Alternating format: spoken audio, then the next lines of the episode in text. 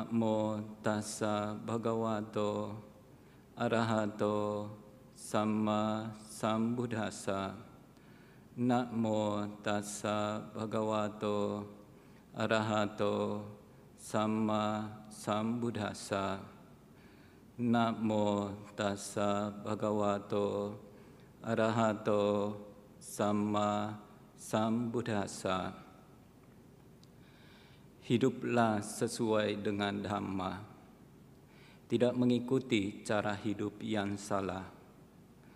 Seseorang yang hidup sesuai dengan Dhamma akan berbahagia di kehidupan ini dan kehidupan selanjutnya.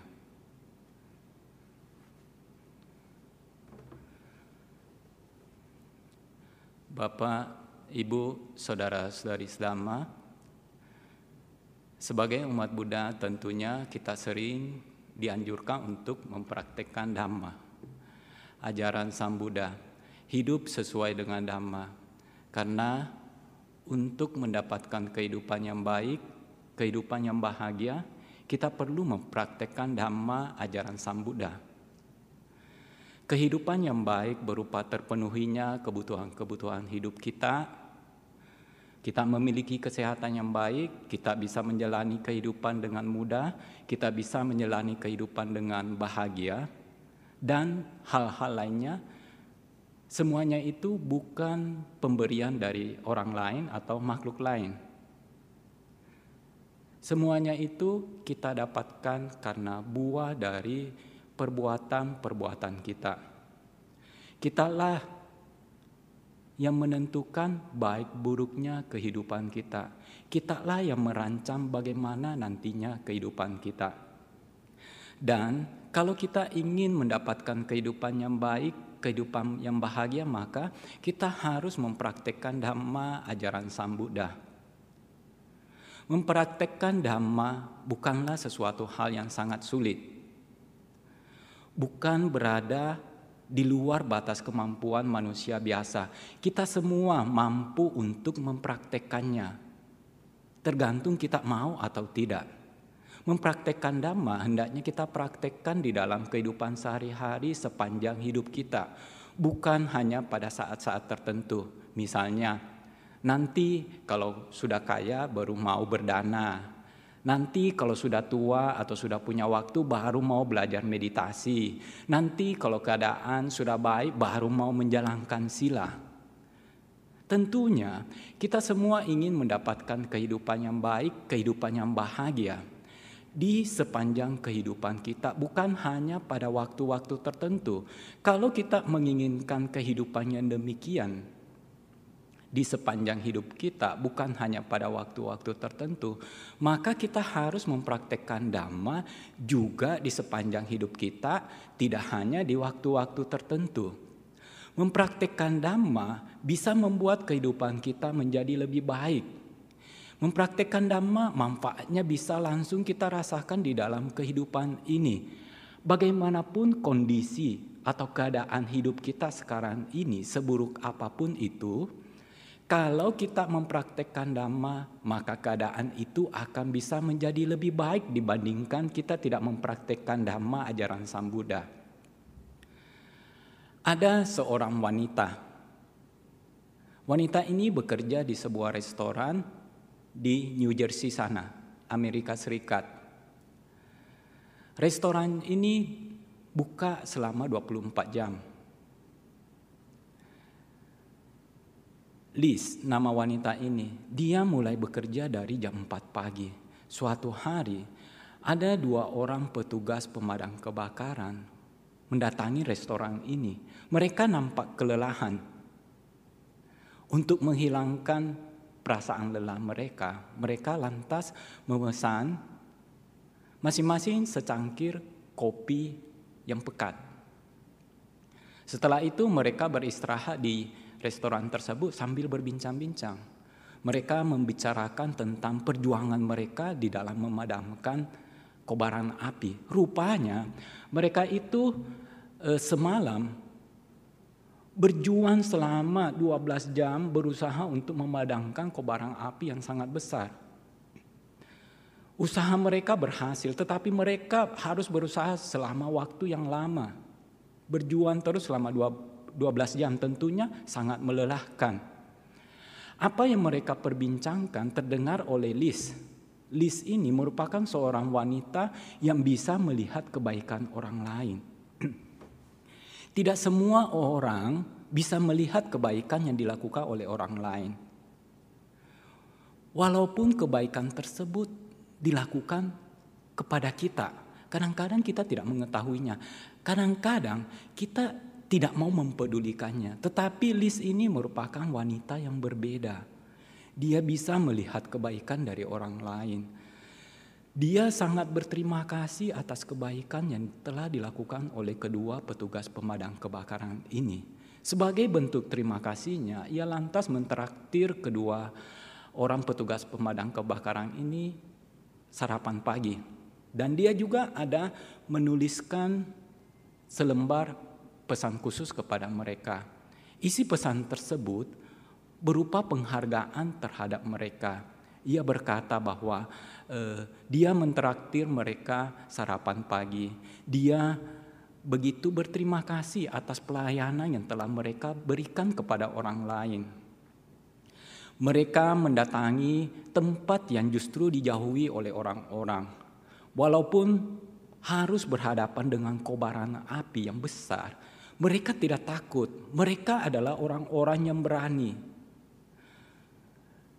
Liz menghargai, berterima kasih atas keberanian mereka. Mereka adalah orang yang patut diteladani. Pesan khusus dari Liz ini begitu menyentuh perasaan dari kedua petugas pemadam kebakaran ini. Mereka terharu, mereka sampai menangis. Mereka telah bekerja sebagai petugas pemadam kebakaran bertahun-tahun. Tetapi hanya sedikit orang yang bisa mengetahui perjuangan mereka, pengorbanan fisik dan mental mereka. Mereka berdua begitu berterima kasih atas kebaikan hati dari Liz. Setelah mereka pulang, salah satu dari petugas pemadam kebakaran ini lantas memposting kejadian ini di jaringan sosial. Dengan segera apa yang diposting oleh petugas pemadam kebakaran petugas pemadam kebakaran ini menjadi viral dalam semalam Petugas pemadam kebakaran ini menceritakan tentang kebaikan hati dari Liz. Ia mengajak orang-orang untuk mendatangi restoran tempat Liz bekerja. Kalau kalian bertemu dengan Liz, berilah tip yang besar kepada dia. Nah, sebagai bentuk dukungan dari para netizen, mereka datang ke restoran tempat Liz bekerja. Mereka lantas bertemu dengan Liz segera mereka mengetahui kondisi Lis. Ternyata Lis itu bukan berasal dari keluarga yang berkecukupan. Dia itu mempunyai seorang ayah yang lumpuh. Ayahnya lumpuh dari tahun 2010. Untuk biaya menutupi biaya pengobatan dan perawatan ayahnya, Lis itu sampai meminta bantuan orang-orang. Ia melakukan penggalangan dana dia dan keluarganya tidak bisa, tidak mampu untuk membelikan sebuah mobil van yang bisa dimasuki kursi roda. Kalau mobil van ini ada, maka Ayalis bisa mudah bepergian ke mana-mana. Karena mobil van ini nggak ada, sebagian besar waktunya dihabiskan di rumah dengan berbaring di ranjang. Nah, kedua petugas pemadam kebakaran ini ketika mengetahui kondisi Lis, mereka merasa harus menolong wanita yang baik hati ini. Mereka lantas melakukan penggalangan dana untuk mencari dana supaya bisa membelikan mobil van untuk papanya, papanya Lis. Mereka mengharapkan penggalangan dana yang mereka lakukan bisa mendapatkan sejumlah uang 17 ribu dolar Ternyata dalam waktu beberapa hari saja banyak orang yang mendukung, banyak orang yang membantu, banyak orang yang berdana. Penggalangan dana ini mendapatkan 86 ribu dolar. Jumlah yang sangat besar dibandingkan harapan awal mereka. Uang ini lantas diserahkan kepada Lis untuk dibelikan mobil van. Lis begitu berterima kasih kepada kedua petugas pemadam kebakaran tersebut. Dia tidak menyangka ternyata kebaikan kecil yang dia lakukan bisa memberikan buah yang begitu besar. Nah, Bapak Ibu, saudara-saudari sedama, kita bisa lihat dari kehidupan Lis ini bagaimana kebaikan yang dia lakukan bisa langsung berbuah di dalam kehidupannya sekarang ini. Demikian pula sebetulnya kebaikan-kebaikan yang telah kita lakukan banyak yang berbuah langsung di dalam kehidupan kita yang sekarang ini tanpa kita harus menunggu di kehidupan berikutnya. Praktek dhamma yang kita praktekkan bisa manfaatnya kita rasakan langsung di dalam kehidupan ini. Karenanya mari kita mempraktekkan dhamma ajaran Sang Buddha. Ada tiga praktek dhamma yang perlu kita praktekkan di dalam kehidupan sehari-hari. Tiga praktek ini merupakan praktek umum yang sering dianjurkan, yaitu pertama berdana, yang kedua menjalankan sila, dan yang ketiga bermeditasi berdana. Yang pertama ini berdana merupakan perbuatan baik yang paling sering dilakukan oleh orang-orang karena banyak hal yang bisa kita berikan atau danakan. Begitu banyak hal yang bisa kita berikan atau danakan, membuat berdana ini cukup mudah untuk dilakukan. Walaupun cukup mudah untuk dilakukan, ternyata buah dari berdana itu manfaatnya sangat besar. Di dalam Iti Utaka, Sang Buddha pernah mengatakan kepada para biku. Para biku, seandainya makhluk hidup mengetahui seperti yang kami ketahui tentang manfaat dari berdana, maka mereka tidak akan menikmati apa yang mereka miliki tanpa membaginya. Juga mereka tidak akan membiarkan Sifat kikir menodai pikiran mereka.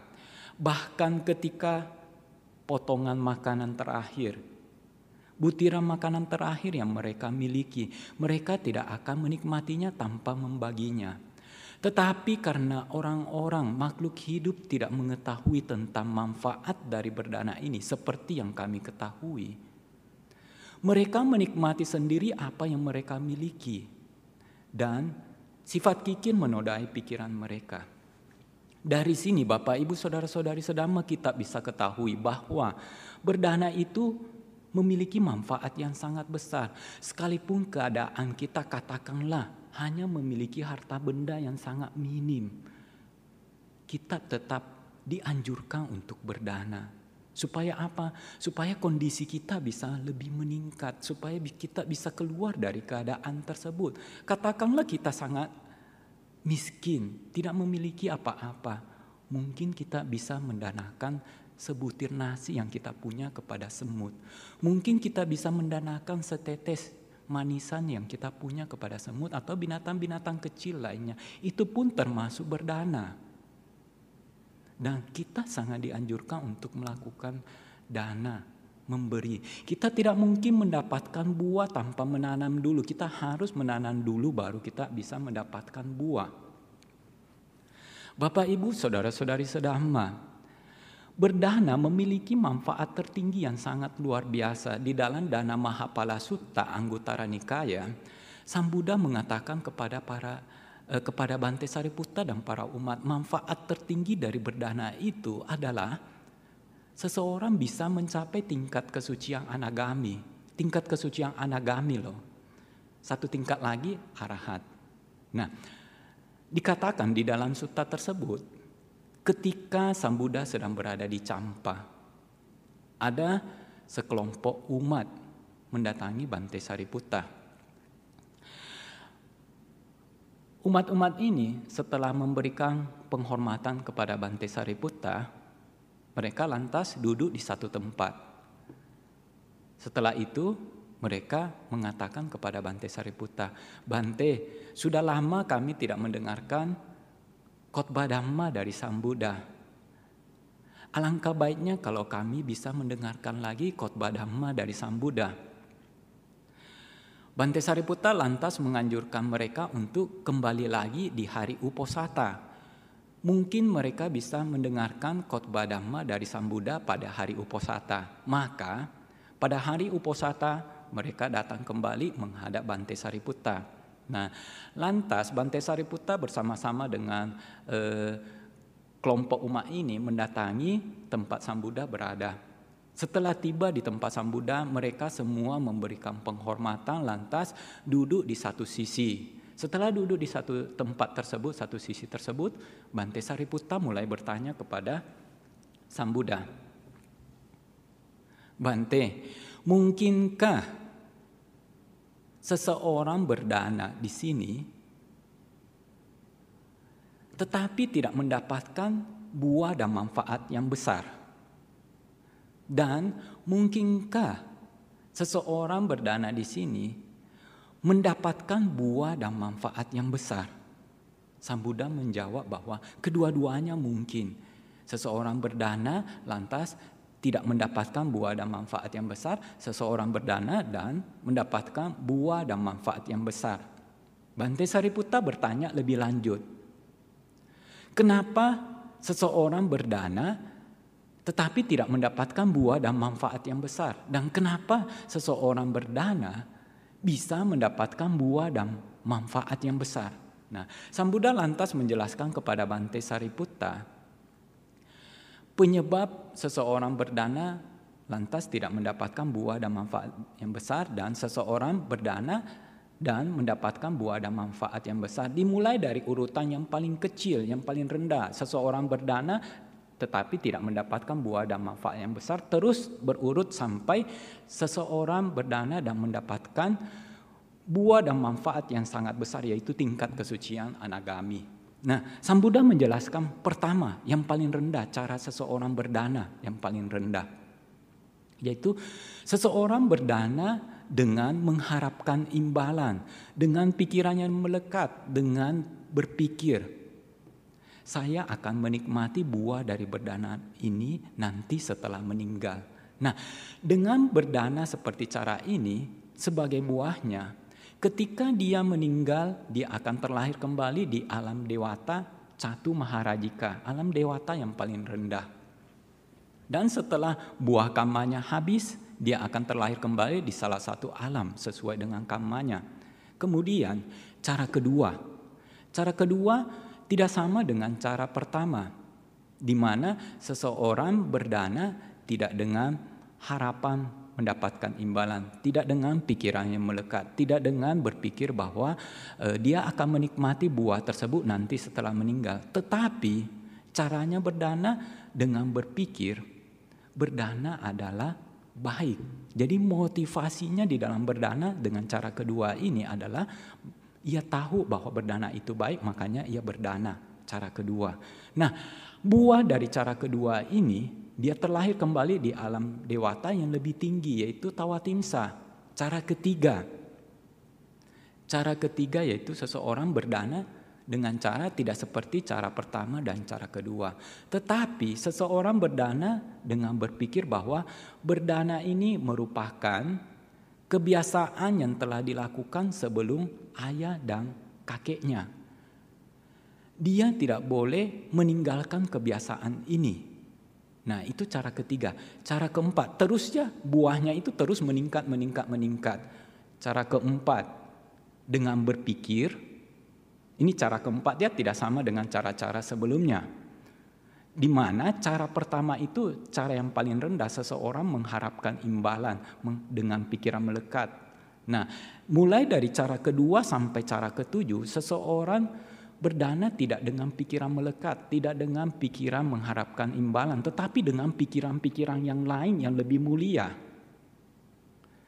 Cara keempat adalah seseorang berdana dengan berpikir, saya memasak.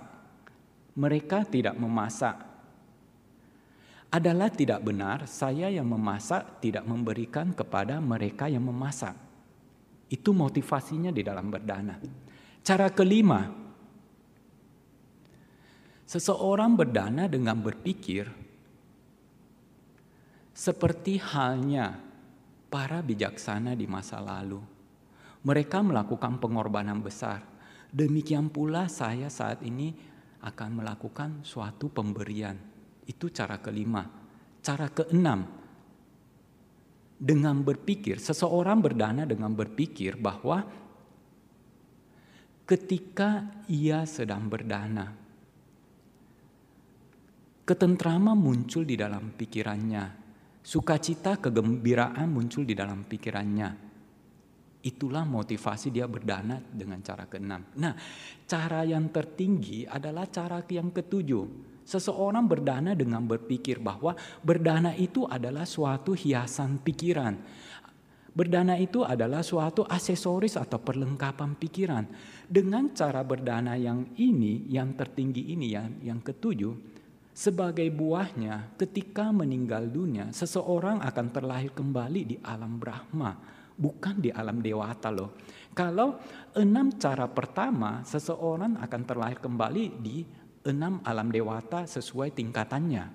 Satu, dua, tiga, empat, sampai enam parinimita wasawati dan yang terakhir ini seseorang akan mendapatkan buah yaitu kelahiran di alam Brahma. Setelah dia meninggal dunia di alam Brahma, dia tidak akan terlahir kembali di mana pun dalam hal ini. Kelahirannya di alam Brahma merupakan kelahiran yang terlah, terakhir. Dia tidak akan lagi terlahir di mana pun. Jadi manfaat ini adalah sangat besar. Berdana bisa mem sucikan batin kita. Berdana bisa mengikiskan kekotoran batin kita. Tindakan atau perbuatan berdana sebetulnya bertentangan dengan keserakahan. Keserakahan itu sendiri kita ingin mendapatkan sesuatu yang lebih. Kita ingin lagi, ingin lagi, lebih lagi dan lebih. Sebaliknya, Perbuatan berdana adalah melepaskan apa yang kita miliki, mengurangi, semakin mengurangi, semakin mengurangi. Dengan demikian, kalau kita berdana sesuai dengan cara yang ketujuh, berdana untuk mengurangi, bertujuan untuk mengurangi keserakahan kita, mengikis keserakahan, mengikis kekotoran batin kita. Maka buahnya nanti kita akan mencapai tingkat kesucian anagami. Jadi, untuk mensucikan batin kita, mengikis kekotoran batin kita. Tidak selamanya bisa hanya bisa dilakukan dengan cara formal seperti meditasi duduk ataukah meditasi berjalan. Mensucikan pikiran atau batin kita bisa dilakukan dengan aktivitas yang lain seperti berdana ini. Bapak, Ibu, saudara-saudari sedama, Manfaat berdana tidak boleh kita sepelekan karena manfaat berdana itu sangat luar biasa yaitu tingkat kesucian anagami kita bisa capai. Bagaimanapun keadaan kita, latihlah diri kita untuk memberi. Apalagi kalau kita bisa memberi dengan cara seperti nomor tujuh ini, yaitu memberi dengan tujuan mengikis keserakahan kita, mengikis kekotoran batin kita. Bapak, Ibu, Saudara-saudari sedama, di awal Bante sebelumnya Bante telah mengatakan bahwa sekalipun kita dalam keadaan memiliki harta benda yang minim, kita sepatutnya tetap berdana. Karena kalau kita ingin mendapatkan keadaan yang lebih baik, memiliki harta benda yang lebih banyak, caranya adalah demikian kalau kita ingin mendapatkan harta benda yang banyak lantas tidak melakukan apa-apa itu namanya melawan hukum alam. Tidak bisa. Kita harus menanam se sebuah benih sebi sebiji atau beberapa biji benih untuk mendapatkan buah. Suatu saat, suatu ketika di dalam Kula Sutta Samyutta Nikaya, Sang Buddha sedang berada di Nalanda. Pada saat itu Nalanda sedang tertimpa bencana kelaparan kelangkaan makanan, hasil panen yang gagal. Kepala desa dari Nalanda adalah seorang siswa, murid dari Niganta Nataputta, salah satu pertapa aliran lain di India sana. Di zaman dulu.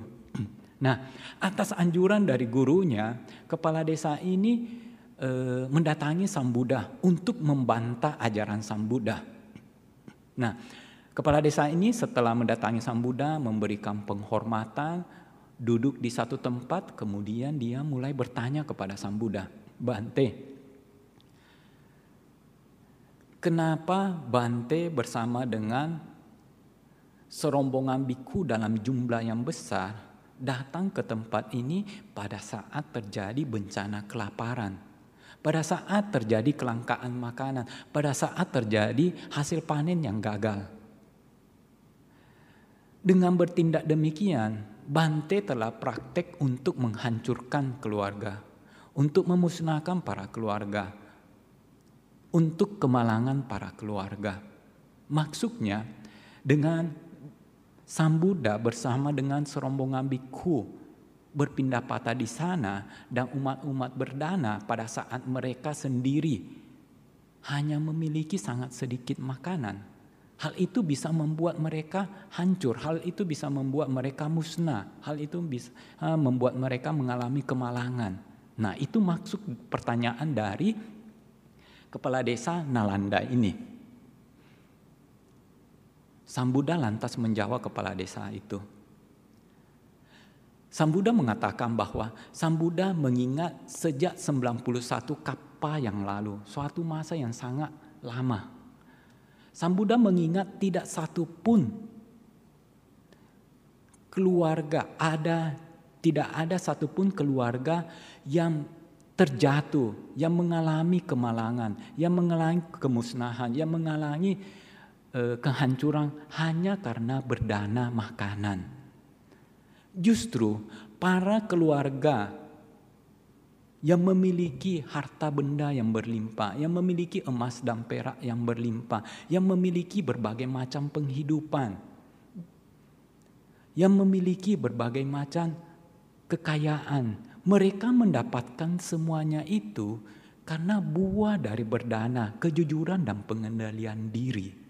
Nah, lantas Sang menjelaskan kepada kepala desa ini penyebab kehancuran bagi keluarga-keluarga tersebut, kemalangan dan kemusnahan.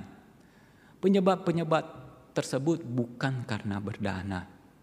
Nah, setelah penjelasan itu, kepala desa itu lantas merasa puas dan menyatakan perlindungannya kepada Sang Buddha, Dhamma dan Sangha.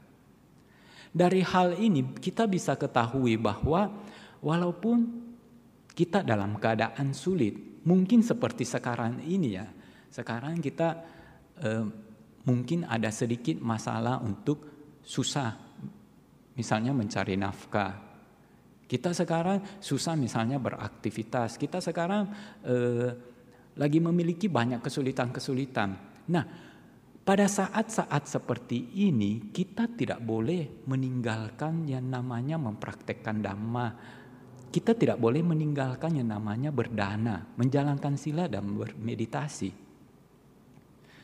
Walaupun kita sendiri sangat sedikit harta benda, kita masih tetap bisa berdana. Dari yang sangat sedikit itu kita bisa sisihkan sebagian dari dari itu untuk berdana.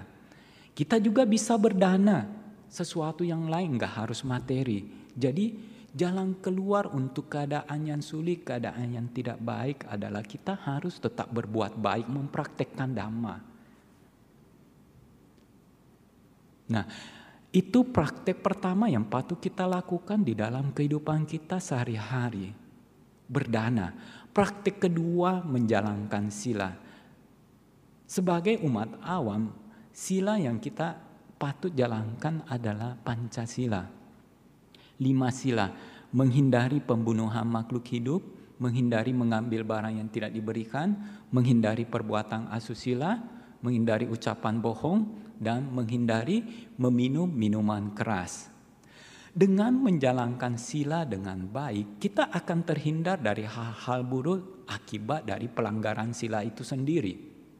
Banyak akibat buruk yang didatangkan, yang di, yang dikarenakan karena pelanggaran sila itu usia pendek, sakit-sakitan, berpisah dengan orang yang dicintai, mudah berpisah, tidak dipercaya sama orang lain, tidak disukai sama orang banyak, kehilangan harta benda, dan lain-lain sebagainya. Dan Ketika seseorang meninggal karena sering melang, uh, di dalam kehidupannya se, karena dia sering melakukan pelanggaran sila, dia bisa terjatuh di alam neraka.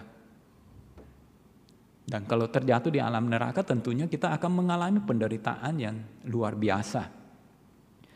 Menjalankan sila patut kita jalankan karena untuk mencapai kesucian, untuk mensucikan batin kita, untuk mengikis kekotoran batin kita, salah satu syarat yang harus kita penuhi adalah menjalankan sila. Menjalankan sila merupakan bagian dari jalan mulia berunsur delapan. Kalau kita ingin mencapai kesucian, kita harus mempraktekkan sila juga. Mempraktekkan sila berarti kita sedang berada di dalam arus yang bermanfaat, arus jasa yang bermanfaat. Di dalam Abisanda Sutta, Anggota Nikaya, dikatakan ada delapan arus jasa yang bermanfaat. Delapan arus jasa ini, tiga yang pertama adalah berlindung kepada Sang Buddha, Dhamma, dan Sangha. Dan lima yang terakhir adalah menjalankan Pancasila ini.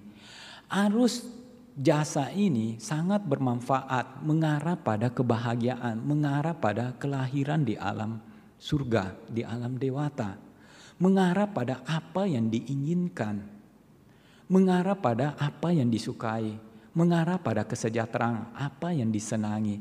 Jadi, kalau kita melaksanakan sila, kita akan mendapatkan kondisi-kondisi yang baik. Kesejahteraan bisa kita capai, kese kebahagiaan bisa kita capai, alam yang bahagia juga bisa kita dapatkan. Kalau kita menjalankan sila, berarti kita memberikan suatu pemberian yang besar. Pemberian kebebasan yang tak terbatas dari rasa takut, dari permusuhan, dari kesengsaraan terhadap tak, ter, tak terhingga banyaknya makhluk hidup. Kalau kita tidak membunuh berarti kita membebaskan orang-orang dari rasa takut, dari rasa permusuhan, dari kesengsaraan. Orang-orang takut kan kalau mau dibunuh. Begitu pula makhluk hidup takut kalau mau dibunuh. Kalau kita tidak membunuh, berarti kita memberikan kebebasan yang tak terhingga kepada mereka. Kebebasan dari rasa takut, kebebasan dari permusuhan, kebebasan dari kesengsaraan. Nah, menjalankan sila ini merupakan hal yang sangat baik yang patut kita praktekkan. Praktek ketiga adalah meditasi.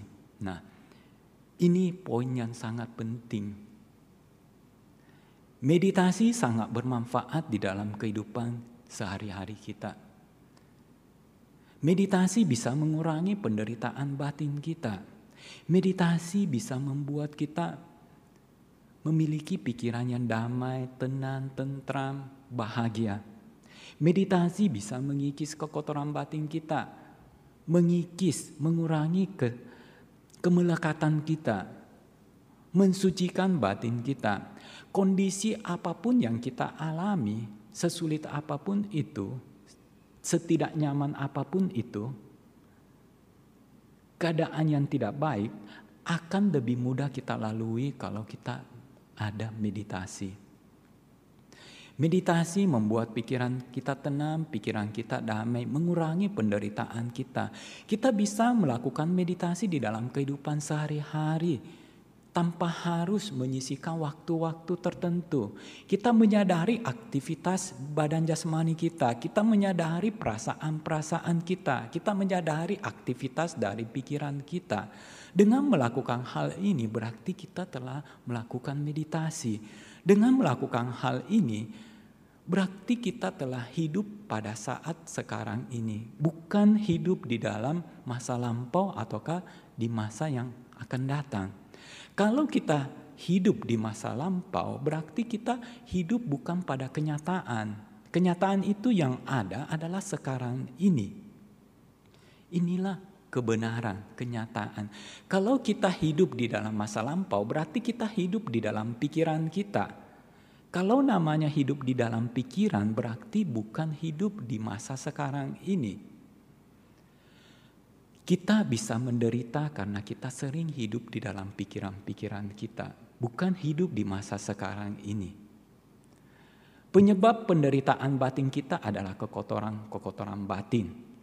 Adalah kemelekatan kita, adalah pikiran-pikiran kita itu sendiri. Sesuatu yang telah berlalu, sering kali kita masih bawa dalam pikiran kita. Kita begitu melekat dengan peristiwa tersebut. Bahkan peristiwa tersebut merupakan peristiwa yang membuat menderita, tetapi kita begitu melekat. Sampai-sampai kita bawa terus jadi kita memberikan penderitaan yang yang sia-sia kepada badan jasmani ini karena kita memikirkan hal-hal tersebut. Kalau kita bermeditasi, kita menyadari bahwa kita sudah berpikir, kita sudah melekat sama sesuatu. Pada saat itu pikiran berhenti. Pada saat pikiran berhenti, pada saat itu juga kita tidak mengalami penderitaan batin. Dengan hidup saat ini, dengan bermeditasi, kita bisa mengurangi penderitaan batin kita. Dan manfaat yang tertinggi adalah kita mencapai tingkat kesucian tertinggi yaitu arahat. Terbebasnya kita dari segala macam penderitaan. Praktik dhamma hendaknya kita lakukan di dalam kehidupan sehari-hari. Tidak hanya terbatas pada waktu-waktu tertentu saja, karena kitalah sendiri yang akan menikmati buah atau manfaat dari praktek dhamma itu. Buah dan manfaat dari praktek dhamma bisa kita rasakan langsung di kehidupan ini dan kita akan merasakannya juga nanti di kehidupan yang akan datang. Karenanya mari kita semua mempraktekkan dhamma karena manfaat praktek dhamma adalah kebahagiaan. Manfaat dari praktek dhamma ini adalah kita mendapatkan kehidupan yang baik. Semoga apa yang Bante sampaikan pada siang hari ini bisa bermanfaat bagi kita semua. Akhir kata, Sabbe sata bawantu sukitata. Semoga semua makhluk hidup berbahagia.